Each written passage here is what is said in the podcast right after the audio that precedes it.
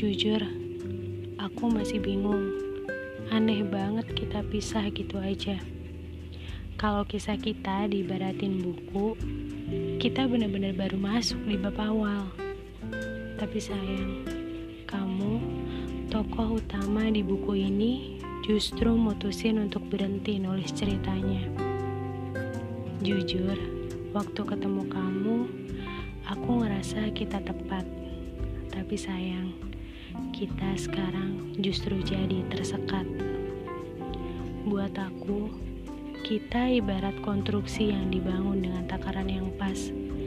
Yang aku harap bisa jadi bangunan yang megah. Tapi sayang, di tengah jalan, pondasi itu hancur gitu aja. Aku tahu, sedih jadi resiko dari sebuah hubungan. Tapi aku gak pernah nyangka kalau resikonya benar-benar bisa ngebuat aku jadi sesedih ini. Semoga kamu gak sesedih aku ya. Aku tahu kamu juga sedih. Karena aku yakin banget apa pun alasannya, perpisahan selalu nyakitin buat kedua belah pihak. Semoga setelah gak lagi sama aku, hidup kamu jauh dari masalah. Semoga cerita tentang aku bisa cepat hilang dari ingatan kamu, supaya kamu bisa secepatnya melangkah lagi.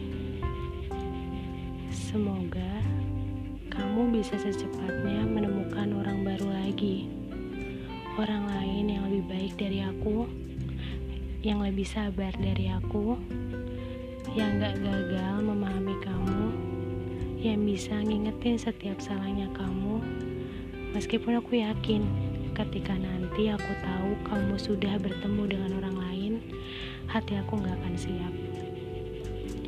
Maaf, aku benar-benar gak ada niatan ngebuat kamu ngerasa bersalah.